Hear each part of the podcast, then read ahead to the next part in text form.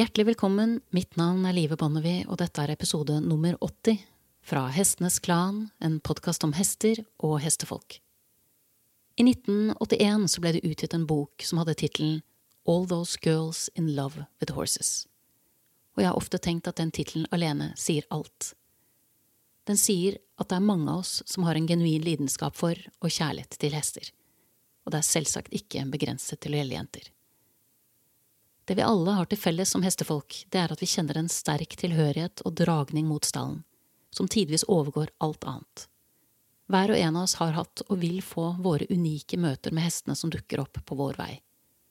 Men det finnes noen universelle fortellinger vi alle har felles. I dag skal jeg dele en slik fortelling. Det er en historie som på ett plan er dypt personlig, men som likevel har en stor grad av gjenkjennelse, fordi den skildrer et møte mellom en hest og et menneske på en måte som kommer i inngrep med selve grunnfjellet i denne podkasten. En historie om livet med hest når den er på sitt vakreste, og når den er på sitt vondeste. Historien om Mathilde Brandt og Batman. Hvis det er noe jeg skulle ønske jeg hadde gjort annerledes i forkant av dette intervjuet, så var det at jeg hadde fulgt innskytelsen med å plukke opp en pakke Kleenex på veien, slik jeg hadde tenkt, for den pakken viste det seg at vi trengte. Og skal jeg komme med ett råd før du hører på dagens episode, så er det at du lager litt rom rundt akkurat denne episoden, og sørger for å ha tørkepapir for hånden. Du kan komme til å trenge det.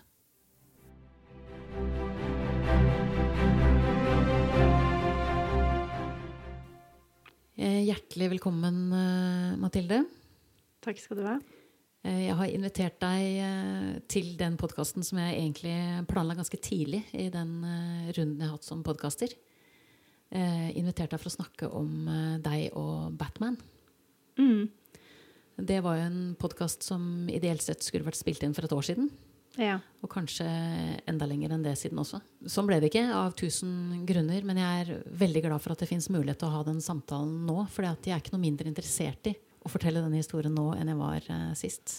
Det er hyggelig å høre. Uh, jeg tenkte det, uh, det er fint å starte med begynnelsen. Du er en uh, ung jente, og du er i ferd med å kjøpe Var det din første hest? Det var min første hest. Uh, jeg var 15. Akkurat sluttet på ungdomsskolen. Ikke helt sånn på topp i livet, som de fleste sannsynligvis kan relatere seg til i den alderen der. Hadde drevet med hest så lenge jeg kan huske. Begynte vel på rideskole da jeg var seks år, kanskje. Alltid elsket hester også før det. Borhest, ridd på rideskole, vært på turer, reiser. Det var liksom hest som var min ting, som ga meg glede i livet. Og så hadde pappa lovet oss at vi skulle få hest hvis vi ikke røyket eller drakk alkohol. eller festet. Tror det satte dypere spor enn, det egentlig burde, fordi det endte jo med at jeg ikke hadde så mye sosialliv utenom stallen. Så fikk jeg eh, Batman i gave. Eh, verdens fineste gave. Betyr det at du fikk ham i gave som i at du ikke var med og plukka ham ut selv, på en måte? Eller Nei. som i gave som i at noen andre betalte? Som i gave som at pappa betalte. Så hvordan fant du ham? Um, jeg fant han ved en tilfeldighet. Um, jeg var mye på finn.no og lette etter hester, visste ikke helt hva jeg ville ha. Så fikk vi litt hjelp av noen trenere og sånn, som på en måte tenkte at vi skal jo se etter en ridehest. Dere vet, den klassiske. Um, så var jeg på Finn, fant en kaldblodstraver som var veldig søt, men kanskje ikke helt det jeg så for meg. Uh, høydemessig. jeg er 1,84. Ja, Så du trenger noe mer enn en islandshest sånn sett? Jeg trenger både mer enn kaldblodstraver og islandshest til sammen. I høyde. Um, og så har jeg jo alltid vært veldig svak for frisresten. Det har jo på en måte vært den vendig plakat-drømmen som alle unge jenter sannsynligvis har hatt på et eller annet tidspunkt. Jeg må innrømme at jeg fulgte med reisen du hadde med, med, Batman fordi han lignet på en sånn hest jeg hadde i hylla da jeg var liten. Oh. altså, som var liksom, sånn, det er jo en ikonisk eh, hest, rett og slett. Ja, det er jo det. Men jeg var liksom, jeg kunne ikke spørre pappa her, kan jeg få en friser, liksom. Så det var liksom Jeg så på andre litt billigere typer hester, da. Um, og så fant vi en friserblanding på finn.no uh, eh, som het Vincent. Eh, så tenkte vi at vi kan jo dra og se på han i Stokke i Vestfold. Eh, så dro vi. Jeg husker hvert sekund av både togturen og bilturen dit. Eh, og jeg var så spent. Og så kommer vi frem, og så møter vi Vincent på et stort beite. Og så er han liten. det er så sykt typisk. Det er min sånn evige forbannelse at jeg er så høy. Så alle hester er liksom små. Han var ganske liten. Så vi var ganske Det var ganske tydelig veldig tidlig at dette kom på en måte ikke til å funke så bra, da. Og så står vi der og koser litt med han og småprater litt med selger, og så kommer det gående, da, um, en annen hest, en svart hest. En stor svart hest som kommer oss i møte, og som jeg umiddelbart går bort til og koser på. Han var litt mer um, ja. han så rett inn i sjelen min, på en måte. Han var på en måte Jeg bare kjente den umiddelbare connection, liksom. Han hadde så fint blikk. Så jeg bare sto og koste med han og tenkte ikke så mye videre over det. Jeg ville bare tilbringe tid med med fristerhester, egentlig, da. Og så hadde de en eldre kar der. Han var vel godt over 22 år gammel. Helt nydelig og i god form. Eh, og så tror jeg vi kanskje sto der en stund og bare småpratet, til jeg tror det var pappa som bare spurte han er ikke til salgs, han der, da? Og pekte bort på, på det som ble min Batman. Så sa de vel at jo, vi kan Du kan jo prøve han, men han er på sommerbeite nå, så han er på en måte ikke i form. Så tror jeg vi dro tilbake dit en uke eller to uker senere. Og så skulle jeg få prøveri, da. Eh, jeg tror det var en av de første gangene jeg satt på en så stor hest. det må ha vært lange én til to uker å vente, eller? Ja, det var grusomt. Men jeg gleder meg veldig, så jeg tror det gikk ganske greit. Og så går det helt jævlig. det går i dass. Altså, det går nesten ikke an å ri. Klarer ikke å galoppere, klarer ikke å stille eller bøye han i trav. Det var liksom bare Ja. Han gikk superfint når selger tømmerlongerte og sånn, men jeg hadde jo ingen jeg hadde ingen av hjelperne mine funka. Jeg var jo ikke Jeg var turrytter som hadde ridd fjording hele livet. Og hvor gammel var Batman? Han var fire. Ja, Så en ung hest og en ung jente. Han, han var ung og høy og stor. Og mye. Men så rev vi ut på tur i skogen etter å ha vært på banen. Eh, og det var magisk. Det var som å komme hjem. Han fotet seg så bra i terrenget over alle røtter, og det var liksom Da tenkte jeg at det som skjedde inn på den ridebanen, det har jeg bare glemt. Fordi dette føles riktig. Og så um, rev vi innover i skogen og travet litt, og så kom vi etter hvert i et strekke hvor vi kunne galoppere. Lot han strekke litt på beina, og det føltes bare helt, helt rått. Og så var det en vettsjekk som han passerte, og så, så hentet vi han hjem. Og det var et sjokk uten like å plutselig ha ansvar for en hest helt alene. Altså, var den overgangen fra fòrhest Det kan ikke sammenlignes på noe som helst vis. Jeg var bare sånn Herregud, jeg må jo være her. Altså, jeg kan jo ikke dra herfra i det hele tatt, tenkte jeg. Det går jo ikke an. Jeg kan jo ikke la han være igjen. Så jeg var bare sånn Nå er jeg Nå skal jeg være i stallen. Hele tiden. Og det var, det var en brå overgang. Jeg lærte mye i starten. Eh, men det var jo helt absurd. Jeg bare husker det som en sånn boble hele den sommeren. Jeg var der hele tiden og på en måte prøvde å bli kjent med han. Det var vel egentlig ganske tidlig at utfordringene startet litt, da. Fordi han var langt ifra noen rideskolefjording. Og jeg merket jo veldig på meg selv at jeg hadde jo ingen selvtillit. Jeg var jo på en måte bare helt sånn helt lost, rett og slett. Eh, og det var veldig underlig på en måte når jeg skulle hente han på beite, og han ikke ville være med meg. Hvis jeg på en måte hadde, var litt stressa eller hadde dårlig tid, så bare snudde han seg og gikk. Det var liksom 'Hei, jeg vil ikke ha noe med deg å gjøre'. Så vi starta rett og slett så fra scratch at jeg starta med å klare å hente han inn fra flokken. Og det var en reise hele den sommeren og på en måte ønska han velkommen bort til meg. Gi han den tiden han trengte på å komme bort og si hei. Eh, og så gå sammen opp da, til pusseplassen. Det var flere ganger han sleit seg og løp tilbake. Det var jo utelukkende meg og min eh, sinnstilstand eller kroppsspråk som forårsaket disse tingene. Så han fortalte meg rett og slett hva jeg på en måte måtte gjøre, og han snakket med store bokstaver. Og det var en sånn wow. Herregud, liksom. Man kan ikke ta noen ting for gitt, da. Var på en måte den leksen jeg lærte. Så en hest som, um, som virkelig er der uh, 100% som ofte kan være en, et sjokk hvis man kommer rett ut av en rideskole. Mm. Altså en hest som er uh, bare en hest. Mm. Det, det er en helt annen Han så på meg på en helt annen måte, da. Han var til stede på en helt annen måte. Så det var liksom Det var håndteringen. Det var en god dag hvis jeg kunne pusse han uten at han prøvde å slite seg eller slang meg i veggen. For jeg forventet jo at jeg bare kunne hente han, binde han, pusse, sale på og ri, som man ofte da uansett forventer av en godt innridd fireårs. Eh, men det var ikke tilfellet i det hele tatt. Jeg måtte virkelig ta hvert eneste trinn eh, på reisen sammen med han. Og virkelig jobbe for alle de små tingene som tidligere hadde vært en selvfølge. Eh, jeg kan ikke telling på hvor mange grimer og leietau vi røk den første sommeren. For han var ikke trygg på meg alene. Han var trygg hvis han hadde kamerater med seg opp. Så vi gjorde jo selvfølgelig mye av det, og på, på en måte støttet oss på de andre. Og prøvde å ta det litt trinnvis, da, at vi kanskje gikk opp alene, og så kom det en kompis rett etterpå. Men det var et eh, sjokk og et slag i trynet.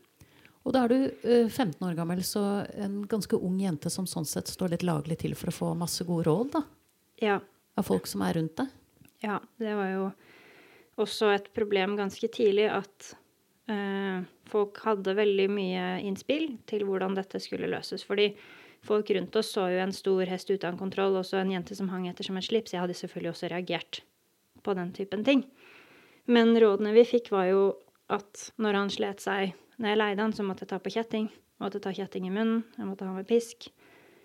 Eh, jeg måtte bare ha med meg en så tung mann at han ikke klarte å dra av gårde. Eh, jeg måtte binde han fast med kjettinger. Altså, det var liksom alle rådene vi fikk, også i ridningen. Jeg hadde også problemer med at jeg ikke kunne ri han. Ikke ut på tur, for han stolte heller ikke på meg der, selvfølgelig. Så han øh, hev seg rundt og løp hjem, øh, uavhengig av jeg som prøvde å stoppe. Og det er en ganske stor hest som da kommer uh, i, i fri dressur løpende inn på tunet, gjetter jeg på? Ja, det er en ganske stor hest som kommer i fri dressur inn på tunet. Uh, så folk reagerte jo. Uh, og det syns jeg man skal. Men det er kanskje tipsene jeg fikk da som jeg stusser litt på. Fordi det var liksom OK, du må ha sterkere bitt. Du må kjøpe dette bittet. Og så må du bruke innspenningstøyler. Eh, og så må du slå an. Det var det folk sa. Eh, utelukkende. Den typen råd. Det syns jeg var ganske sjokkerende. Selv om jeg var veldig ung og ikke visste så mye, så syns jeg på en måte det føltes feil. Eh, jeg ville ikke kjøpe innspenningstøyler. Så vi begynte å trene for en trener som heter Alexandra Myhren. Hun driver i hovedsak med klassisk dressur. Hun hjalp oss med leietrening eh, i ridehuset med en grime og that's it. Og det hun pekte på, det var meg. Hun sa ingenting om hesten i det hele tatt. Det var bare min holdning og hvordan jeg gikk, og hvordan jeg oppførte meg. Og det var vel den første sånn wow-opplevelsen. Og jeg hadde flere timer for andre trenere som hadde litt samme approach. Du skal gå med stolthet, og du skal vise hesten vei, og du skal være en trygg, hyggelig person å ha ved sin side. Du skal ikke være noen leder eller sjef, men du skal være komfortabel. Eh, du skal være klar over hvordan du bruker blikket ditt, skuldrene dine. Ligger energien din hvor, hvor ligger energien din? Kan du regulere den ned eller opp? Hvordan beveger du hoftene dine? Den typen ting, og det var jo revolusjonerende. Han roet seg jo med en gang. Og jeg gjorde vel på et eller annet tidspunkt en helomvending. Det var vel muligens den andre vinteren vår sammen, etter å på en måte prøvd litt ulike ting litt frem og tilbake. Litt klassisk dressur her, litt rideturer med andre der. Så det vi gjorde veldig mye en periode da, var leietrening hjemme på tunet, hjemme på gårdsplassen. Vi gikk fem-ti meter i en retning, masse ros og belønning, og så snudde vi og ga oss for dagen. Det var en hel økt, på en måte. Så brukte vi hele gården, ganske stor gård, gikk rundt, lå over og over stallen og alle snirkler, snirk, kriker og kroker. Og masse, masse ros for hver meter han tok, og var til stede, da. Eh, la lista veldig lavt. Så hvis, vi, hvis, han gikk ti meter ned grusveien sammen med meg, så var det en stor bragd. Det var liksom, da, da var dagen kjempebra. Og så trappet vi opp fra ti meter ned grusveien til 15. Eh, da brukte jeg veldig mye belønningsbasert trening. Så det var veldig, veldig lite press. Um, og veldig mye ros når han fulgte etter. Så istedenfor å dra han eller tvinge han, så var det på en måte mer lokking, da. Tør du å gå litt til, så er det kjempebra. Bare masse oppmuntring. Positiv stemning. Og jeg koste meg veldig med de øktene. Det var veldig gøy. Jeg tror han også hadde moro, fordi vi var komfortable. Og etter hvert, jeg tror det var i 2011, vinteren 2010-2011, hvor jeg tok en enda mer drastisk vending i den retningen der, at jeg begynte å teste ut frihetsdressur. Det hadde jeg sett på YouTube. Og det var liksom folk som trente hestene sine som om de var hunder. Og jeg bare hm, dette syns jeg er veldig interessant. Jeg har hatt hund hele livet og trent hunder som man trener dyr i moderne tid. Med belønning, med godbiter, med oppmuntrende ord og frihet. Eh, og jeg har alltid hatt det kjempegøy når jeg har lekt med hundene. Så jeg tenkte at hvis man kan gjøre det med hest, så er det helt sinnssykt gøy. Men jeg tenkte jo aldri verden at jeg kom til å klare det, men jeg tenkte jeg kan jo prøve. Så jeg slapp Batman løs i ridhuset, og så gjorde jeg mitt aller beste for å fortjene hans oppmerksomhet. Det var ikke enkelt. Jeg måtte virkelig stå på eh, med kroppsspråket mitt og attituden min for at han i det hele tatt skulle velge å gå bort til meg. Og det var en veldig interessant læringsprosess for meg, da. At når han hadde valget, da, så måtte jeg regulere meg selv i veldig stor grad. Og så var det enorm selvtillitsboost når han ville bli med. Så vi lærte å gjøre holdt, skritt og holdt-overganger, side om side, løs. Og jeg har aldri hatt det så gøy, tror jeg, med hestetrening som da han lærte seg stemmekommandoer for holdt og ble stående og liksom Så han vokste når han fikk den belønningen, som da var verbal ros og en godbit. Da var han liksom Han bare kom ut av skallet sitt, og det var helt utrolig å se på. For han var en veldig innesluttet hest som på en måte shut down, og så løp han. Det var hans respons på ting tidligere, og så se han på en måte boble på den måten. Og glede var helt absurd og veldig gøy. Eh, og så tok vi dette et par hakk videre. Begynte å gjøre samme approach med ridningen, der vi på en måte stagnerte veldig. Vi var langt fra lett C-nivå i dressur. Det var liksom, det kunne vi drømme om. Det var fortsatt bare å kunne trygt ri rundt på firkantsporet uten at jeg skulle miste kontrollen. Så jeg overførte de kommandoene jeg etter hvert lærte han fra bakken, til ryggen. Og så startet jeg på en måte å ri han inn på nytt. Da hadde jeg et bitte løst hodelag, og så hadde jeg halsring, og så hadde jeg alt, alle mine stemmekommandoer. Og så begynte vi å skritte litt rundt på sporet. Skritt, holdt, overganger. Masse ros når han gjorde holdt. Og det gjorde han veldig fort. Han, på første forsøk omtrent å vips, så red han i halsring. Og jeg hadde fortsatt klart å bevare den samme attituden at han på en måte Du så reaksjonen i han når han fikk beskjed om at 'nå gjorde du noe riktig'. 'Dette er kjempebra. Fortsett med dette'. At han liksom bare 'yes'. Du så blikket hans endret seg helt, og han koste seg. Vi klarte i veldig stor grad å overføre det til ridningen. Og etter ikke så veldig lang tid så var han egentlig ganske godt innridd i halsring. Vi red i halsring ute. Uh, ute på tur om sommeren. Uh, og det funka egentlig superbra. Jeg føler at den, vi var på et så dårlig sted, vi to, at det å prøve å reparere det med det utstyret som jeg da hadde forårsaket så mye skade med, det var nesten ikke vits. Fordi uvanene og de, de uh, muskelresponsene i armene mine satt jo Man blir redd, og så drar man til, ikke sant. Jeg klarte ikke å vende meg av det.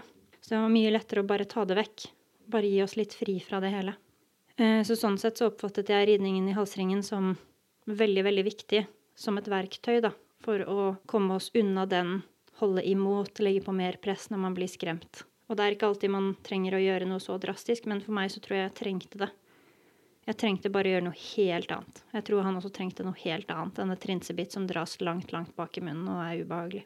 Eh, så gikk årene, vi skiftet stall til et mye hyggeligere miljø. Det var en viktig del. Det ble jo forbudt med frihetsdressur der jeg sto opp stallet i første omgang. Ganske kort tid etter at jeg begynte med det. Det er veldig typisk norske staller. Hvis du ser noe som er annerledes, så er det ugreit. Ja, eller hvis, hvis anbefalingen er kjetting på de problemene som du hadde, så, så blir jo halsring nesten som eh, å helle bensin på bålet ofte. Ja.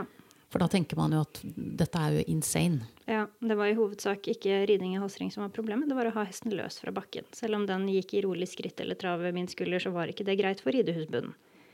Så heia, heia rittersportklubber, altså. Det, man har en vei å gå der. Så de mente at, du, altså at han harvet den opp potensielt fordi han gikk løs? Ja. For de tenker at når man har hesten løs, så løper den i hundre helvete ustoppelig.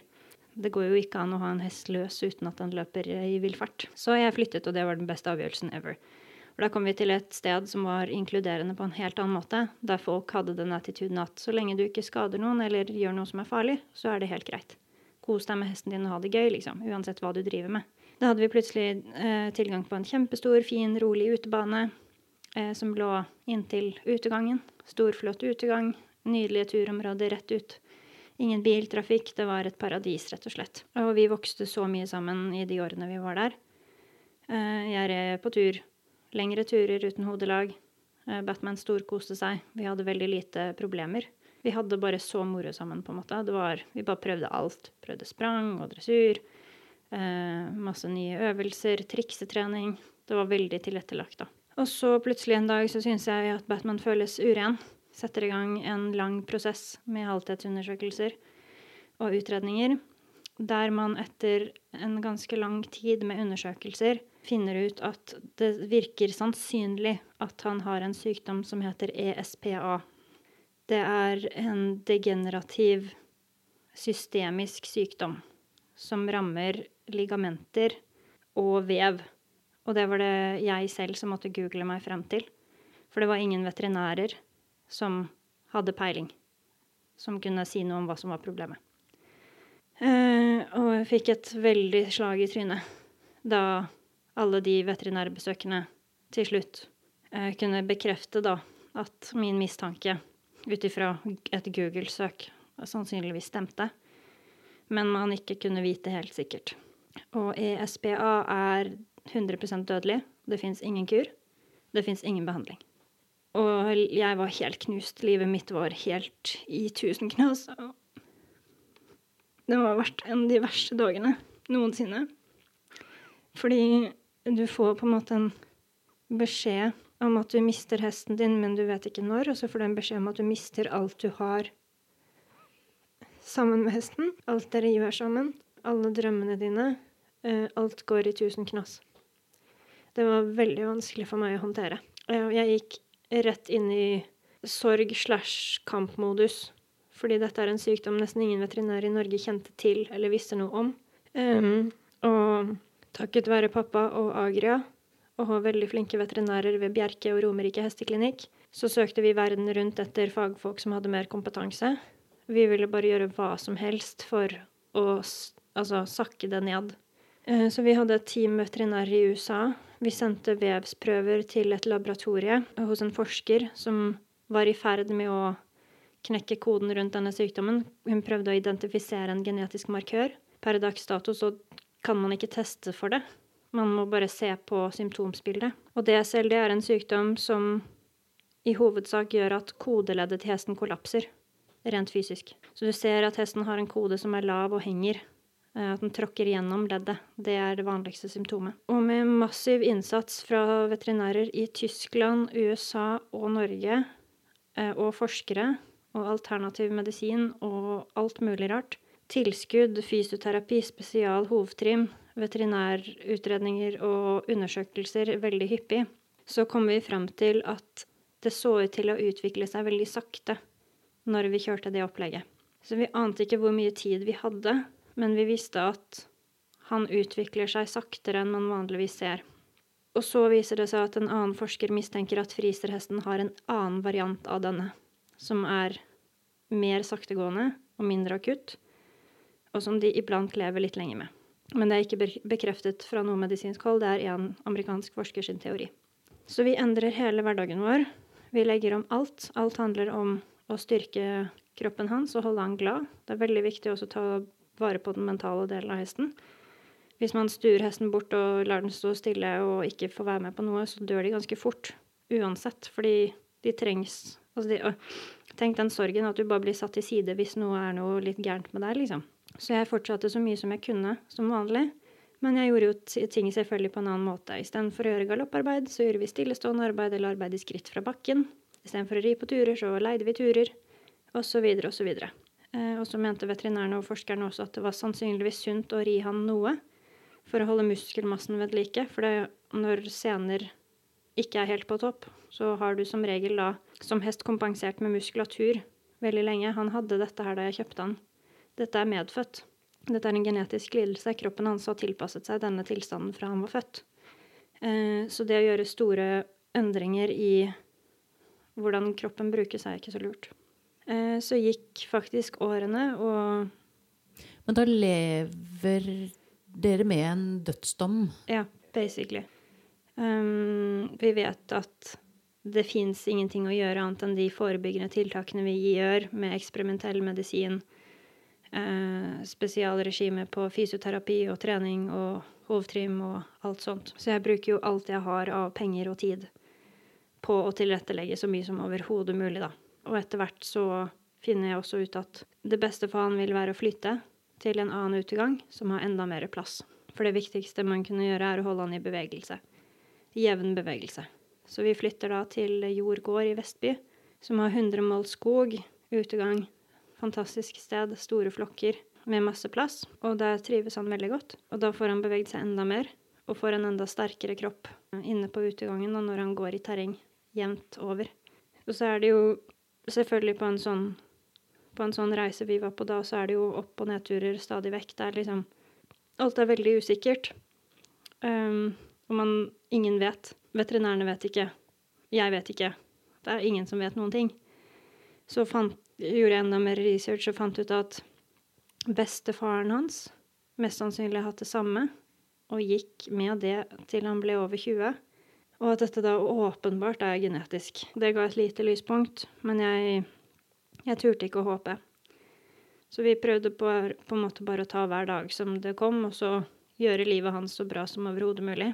Vi fikk vært med på mye gøy. Det var perioder han var såpass bra at han ville galoppere litt på tur, og ikke var noe som helst utgangshalt, men at han bare hadde denne deformasjonen i bakbeina. Eh, men at kroppen hans var så vant til det at det på en måte ikke var et så stort problem som det ville vært hvis det kom akutt. Så vi hadde en del normale dager. Jeg red på korte turer i skogen og hadde det egentlig veldig fint med han. Men jeg visste jo at det gikk bare én vei, og det gikk nedover. Og jeg levde jo med den hengende over meg eh, hver dag i alle disse årene. Og visste på en måte at jeg kommer til å miste han, og jeg kommer til å miste han av dette. Um, etter veldig mye tenking og omstilling av hjernen min, så konkluderte jeg med at hvis han forsvinner nå, så kommer jeg til å slutte med hest. Hadde ikke klart å tenke tanken på en annen hest i livet mitt. Det var helt uaktuelt. Men så prøvde jeg også å tenke litt realistisk, at det er hest som er mitt store lyspunkt i hverdagen, og det betyr enormt mye for meg. Og å slutte med hest vil redusere livskvaliteten min enormt. Så jeg bestemte meg for å kjøpe en hest til i 2017. Og dro basically verden rundt og lette etter hest, og hadde veldig uflaks. Fordi alle hestene jeg ville ha, gikk ut på vettsjekk. Jeg har jo da begynt å ta verdens grundigste vettsjekker.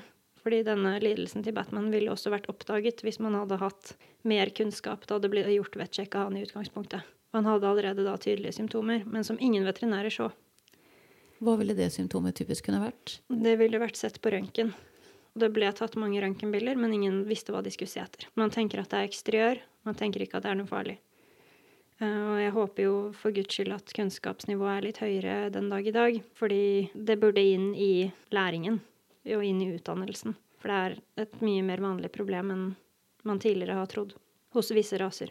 Så da jeg, jeg dro til USA, til Pennsylvania, for å se på et føll som jeg veldig gjerne ville ha. Uh, det var basically en hest som Batman i en annen farge, men en annen rase. Det var liksom Det var akkurat det jeg ønsket meg. Men han gikk også ut på røntgen. Bare følg, seks måneder gammelt. Dødsdom. Syster som ikke ville kunne opereres, og som hadde en veldig dårlig prognose. Så da ble det ikke noe av der heller.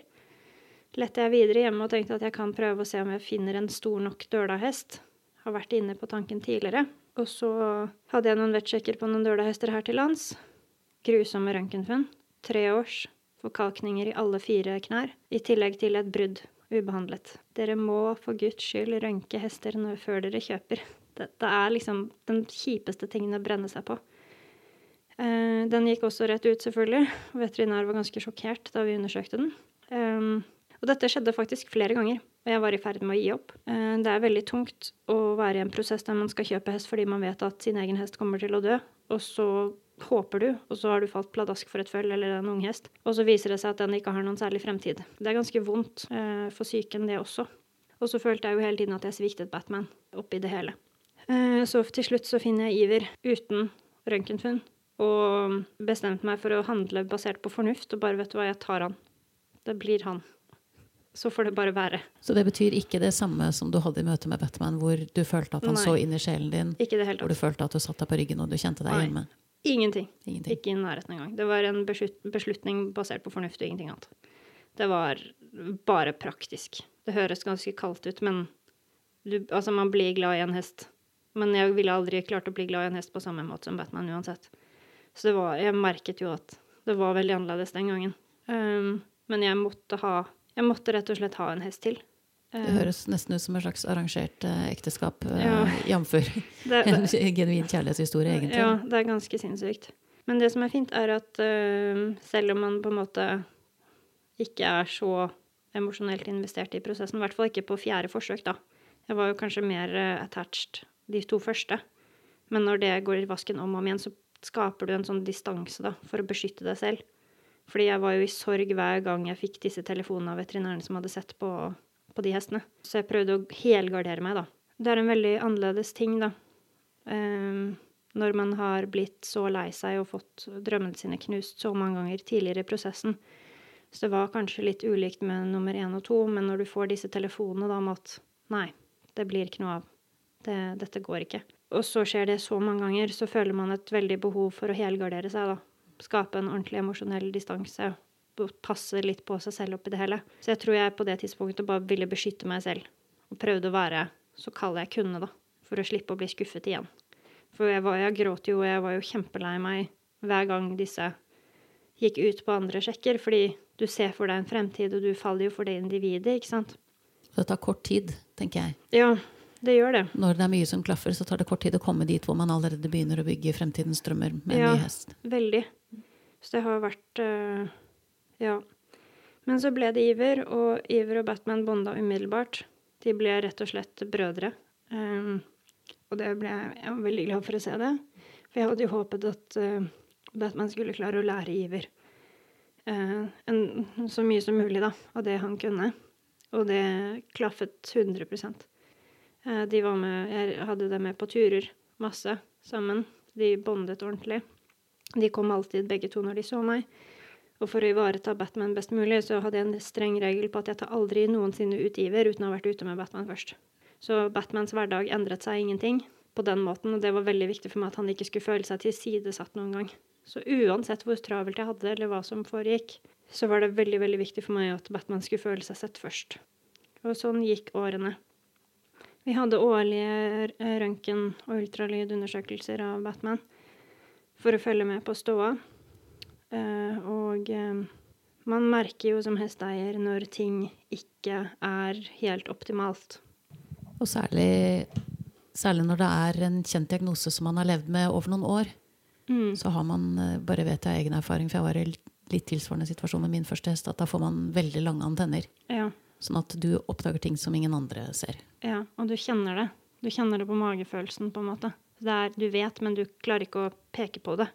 Eh, og det merket jeg veldig eh, etter hvert som tiden gikk, at Batman etter hvert endret oppførsel.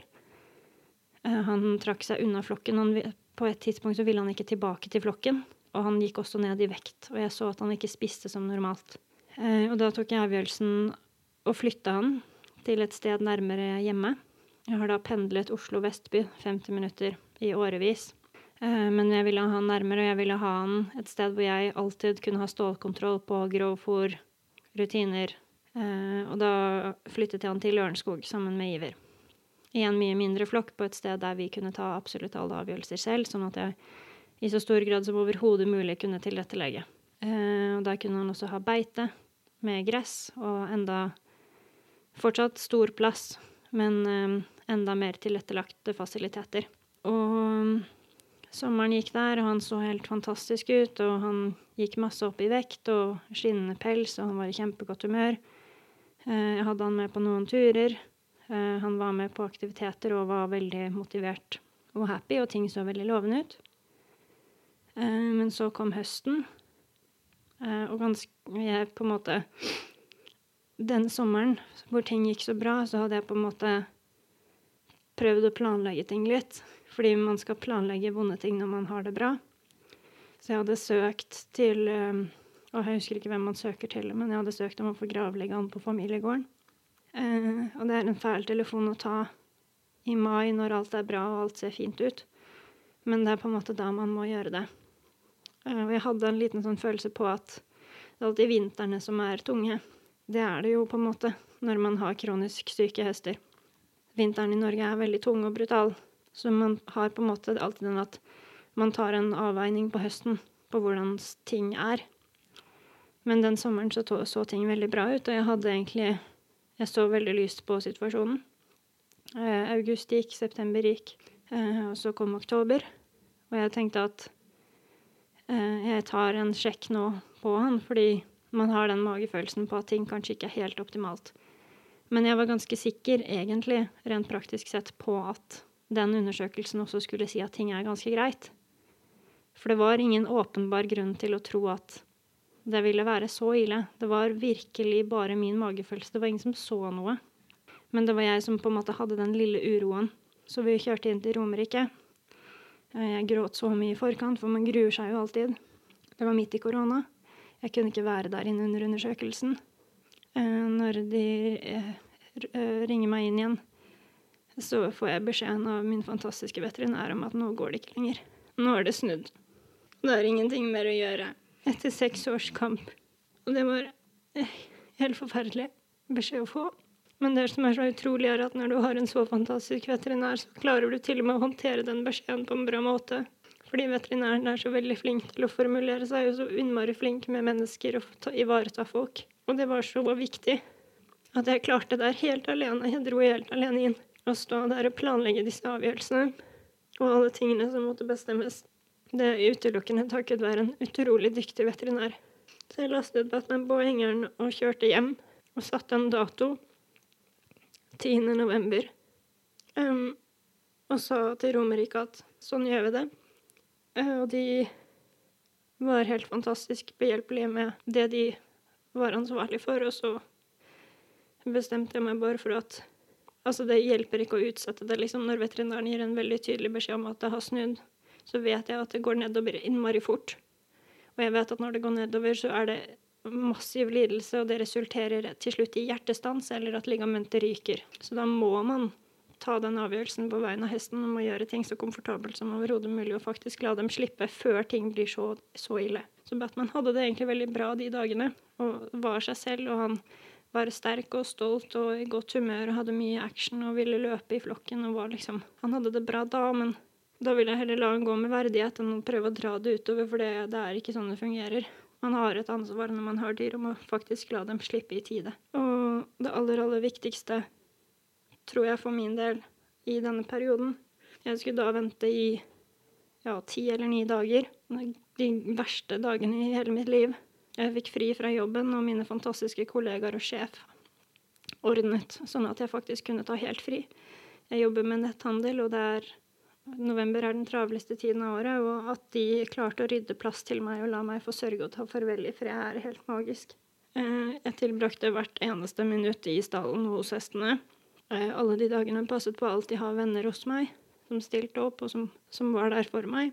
Um, men de dagene og nettene var helt forferdelige, fordi det eneste du tenker på, er at du ser for deg hvor forferdelig alt kommer til å bli, og tingene du må se og oppleve. Altså, man får disse marerittene. Det er grusomt. Tiden i forkant er absolutt den verste, men på et eller annet, på et eller annet vis så kom jeg meg på en måte gjennom det, fordi jeg fikk så mye space, og ting ble så tilrettelagt, og jeg merket jo på Batman at dette ikke gikk. Jeg merket jo på han at det var riktig avgjørelse. Det hjalp litt, men ikke mye. Og så hadde vi også bestemt oss for at vi også ville ta med både Iver og hans gamle flokk, sånn at han kunne se vennene sine også en siste gang. Så vi tok med de til hytta og hadde noen fredelige dager på hytta på fantastiske beiter der alle kunne være sammen igjen. Og bare, det var bare gulrøtter og grøt og smertestillende og alt som fins som man kan gjøre en hest komfortabel med. Uh, vi hadde alle vennene mine der.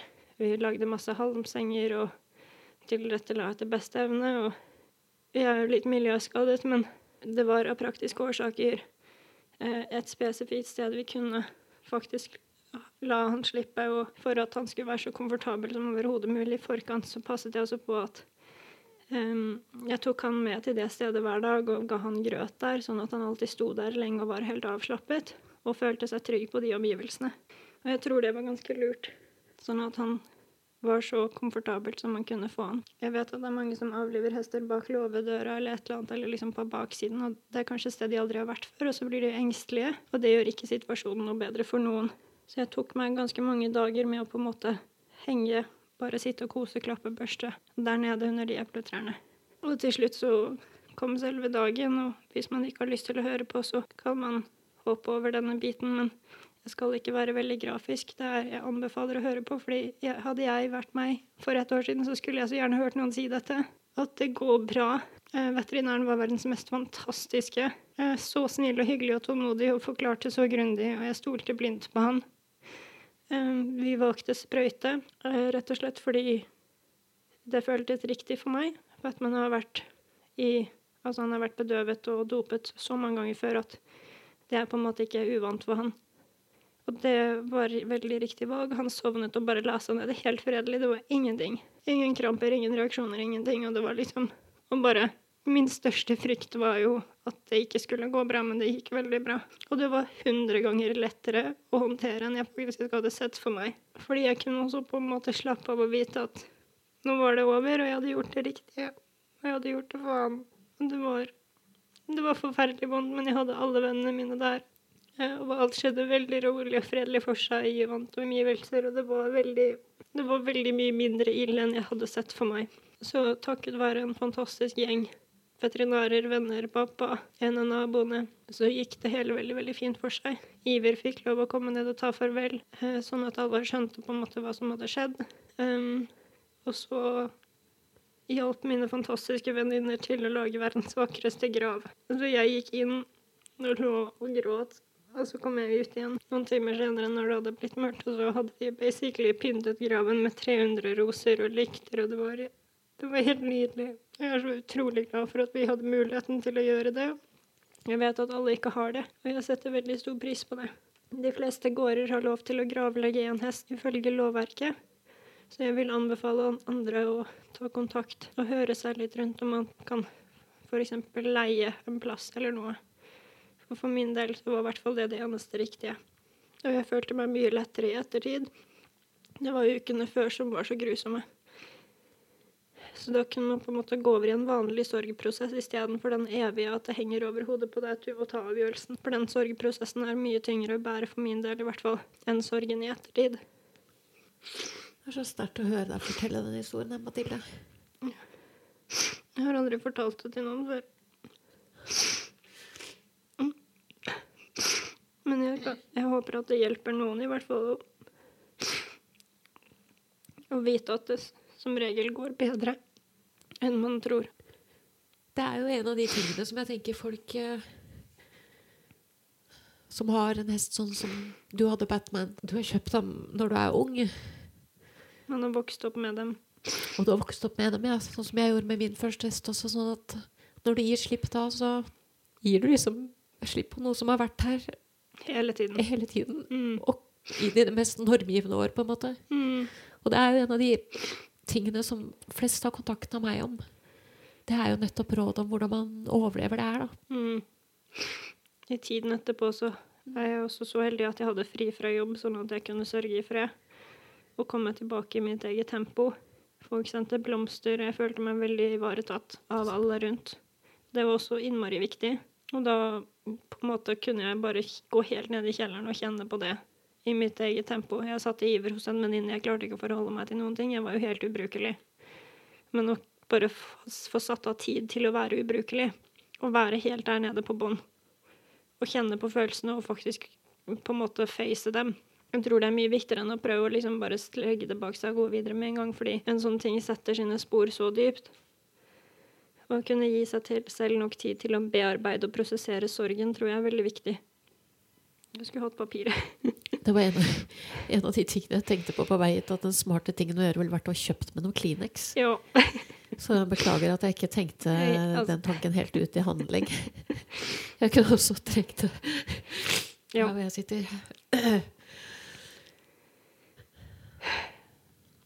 Men så smertefullt eh, og vakkert er jo det eventyret som er å ha en sånn hest. Mm.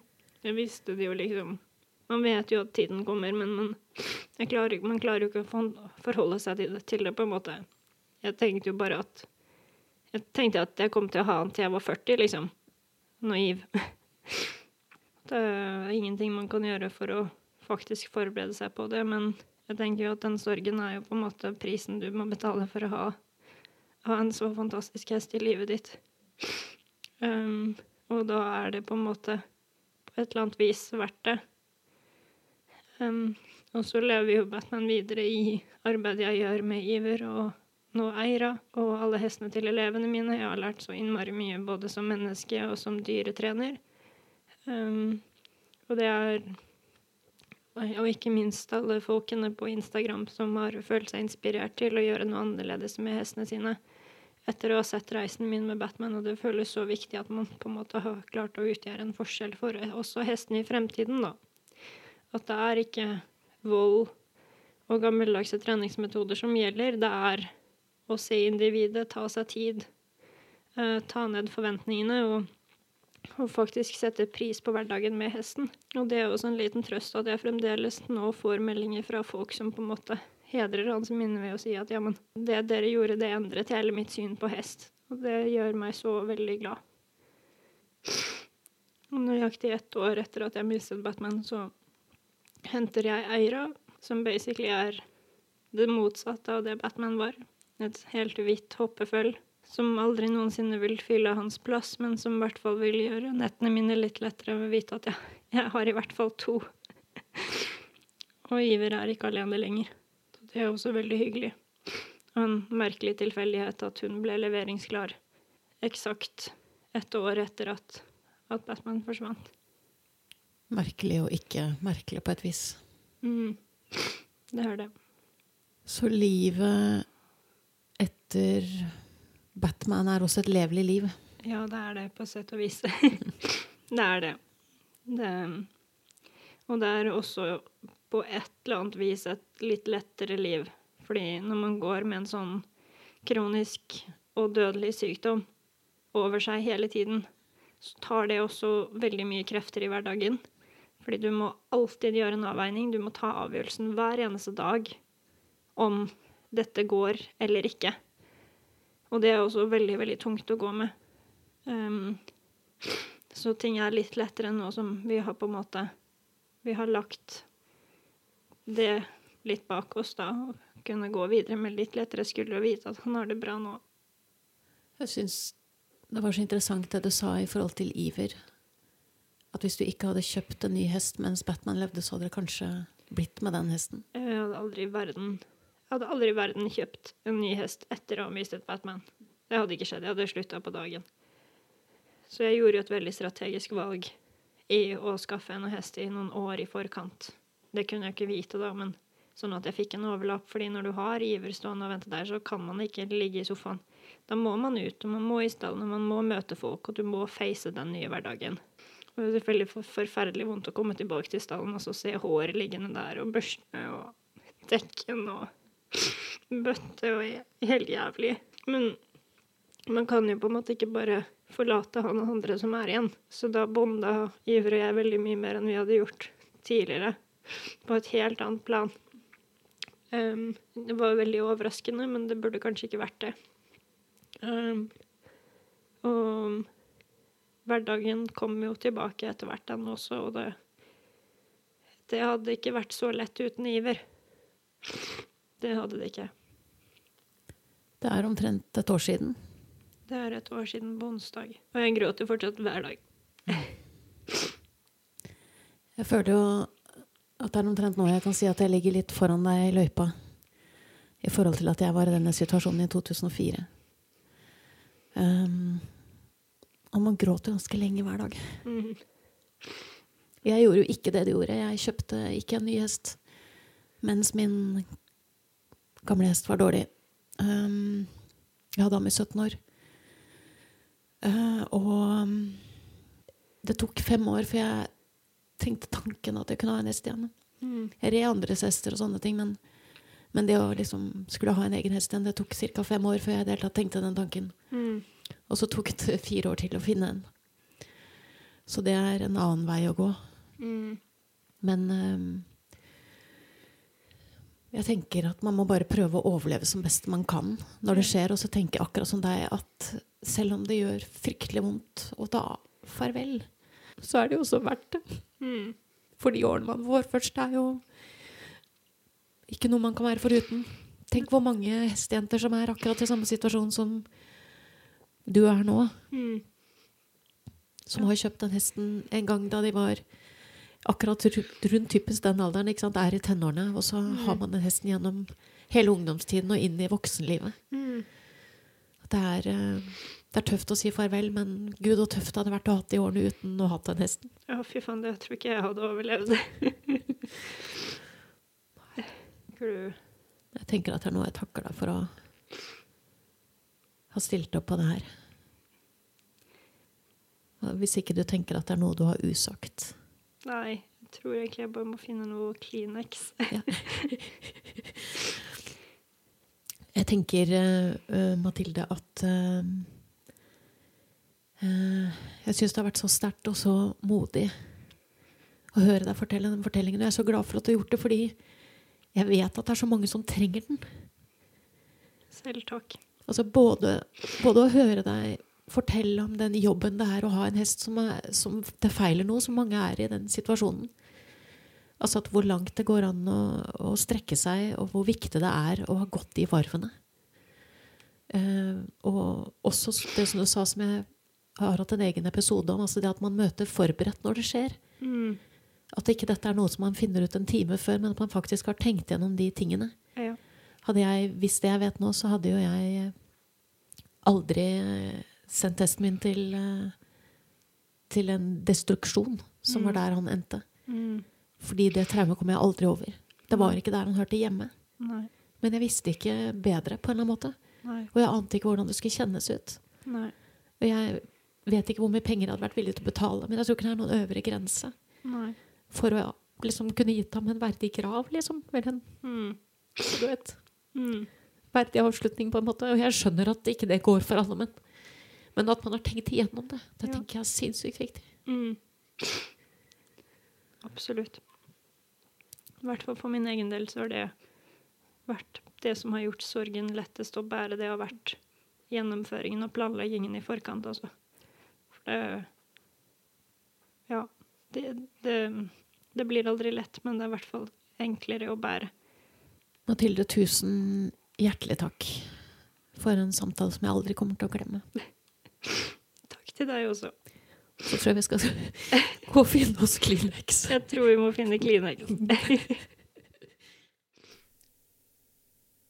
Du har nettopp hørt episode 80, som også er årets siste episode, fra Hestenes Klan, en podkast om hester og hestefolk.